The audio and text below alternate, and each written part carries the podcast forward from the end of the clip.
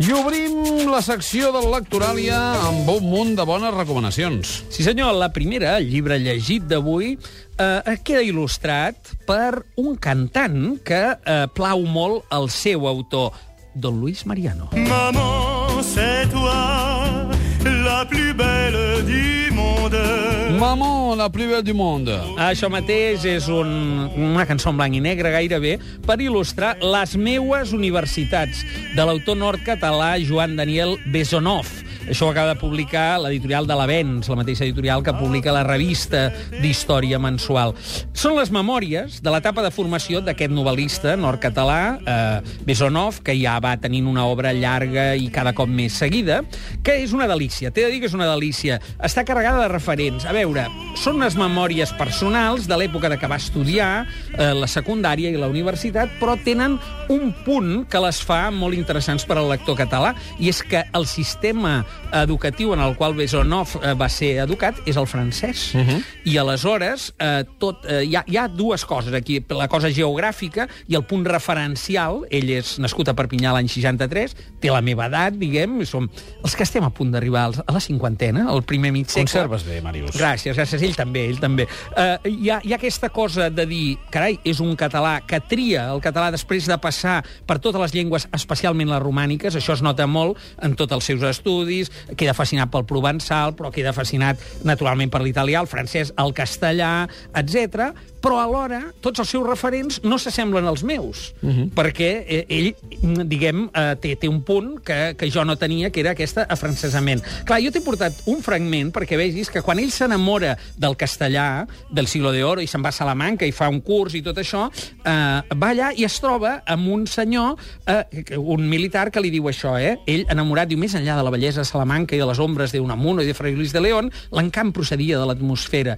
Diu, de sobte, diu, com un enamorat em reprimia per no cridar d'alegria. Un vell, sorprès de sentir-me parlar català amb en Jordi, que era l'únic principatí entre els estudiants, em va demanar que d'on venia. Diu, soy de Perpiñán, capital del Rosellón, una comarca catalana que ahora pertenece a Francia. A ver, chaval, a ver, no jodamos. Si eres de Perpiñán, eres catalán. Si eres catalán, eres español. Digo, de acuerdo, señor, pero la historia no lo ha querido. ¿Qué coño dices? Eres español, no reniegues de tus orígenes. En fi, Ja està. aquella, ja, ja hi som, no? Doncs clar, dius, mira, això ens uneix, veus? Eh, eh, això eh, eh, veig que ens uneix, però la resta, tots els referents, són molt interessants, sobretot per a la gent que sigui afrancesada. L'altre fet eh, significatiu és cronològic, per la seva edat, jo crec que Besonov és l'últim que estudia lletres en un món en el qual les lletres tenien un nivell de llatí, de grec, de coneixement, en aquest cas de literatura francesa, molt notable. De manera que és un llibre que mm, té un plus d'interès per un cert exotisme endogen. És a dir, és un català exòtic eh, educat en el sistema eh, educatiu francès. Les meues universitats, Joan Daniel Besonov, editat per l'Avenç. Mos clau? Educació, educació i educació, diguem que seria el mot clau però per triplicat, però després també les seves grans passions, que serien les llengües, com es veu, ell té també avis d'origen rus i també l'estudia, les dones, que lògicament en període de formació i en qualsevol altre sempre tenen molta importància, i Luis Mariano, el qual hem estat escoltant fins ara. Mrs. Robinson.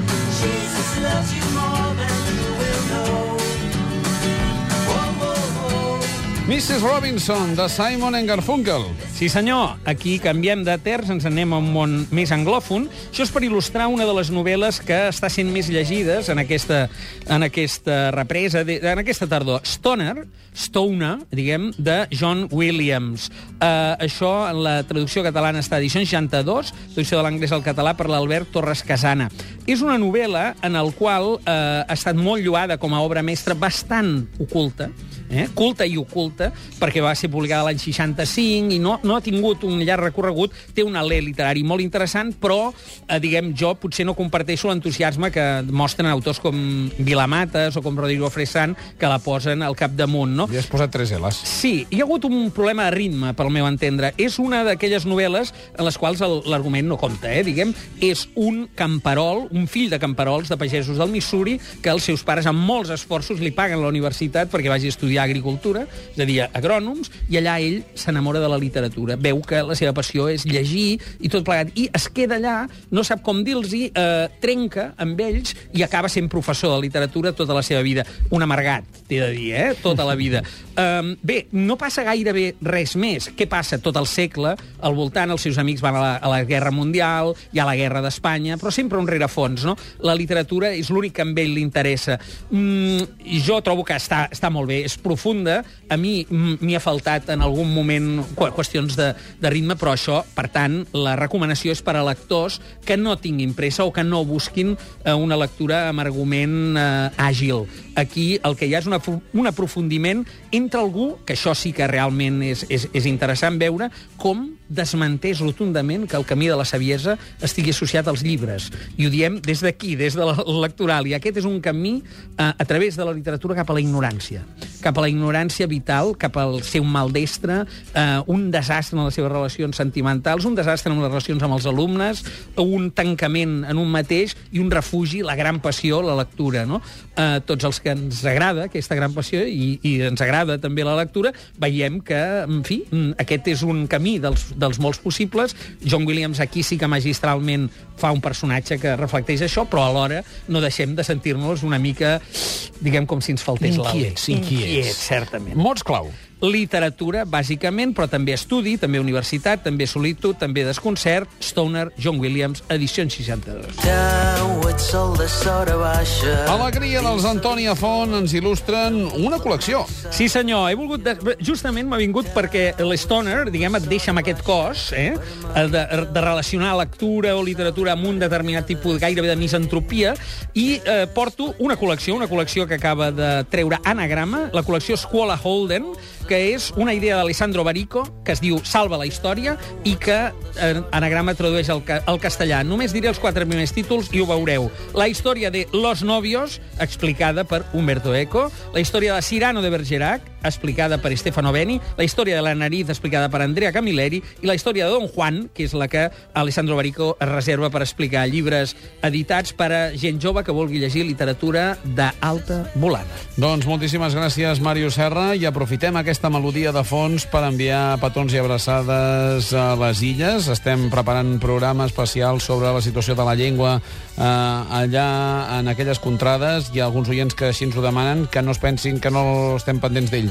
Justament ho estem muntant per donar el millor servei des de la ràdio pública de Catalunya. De manera que amb els Antònia Font arribarem fins les notícies de les 11 amb petó i abraçada per ells. Ses s'aixapen de riure i els dies s'ataven i els fars s'il·luminen ses góndoles entre ses llases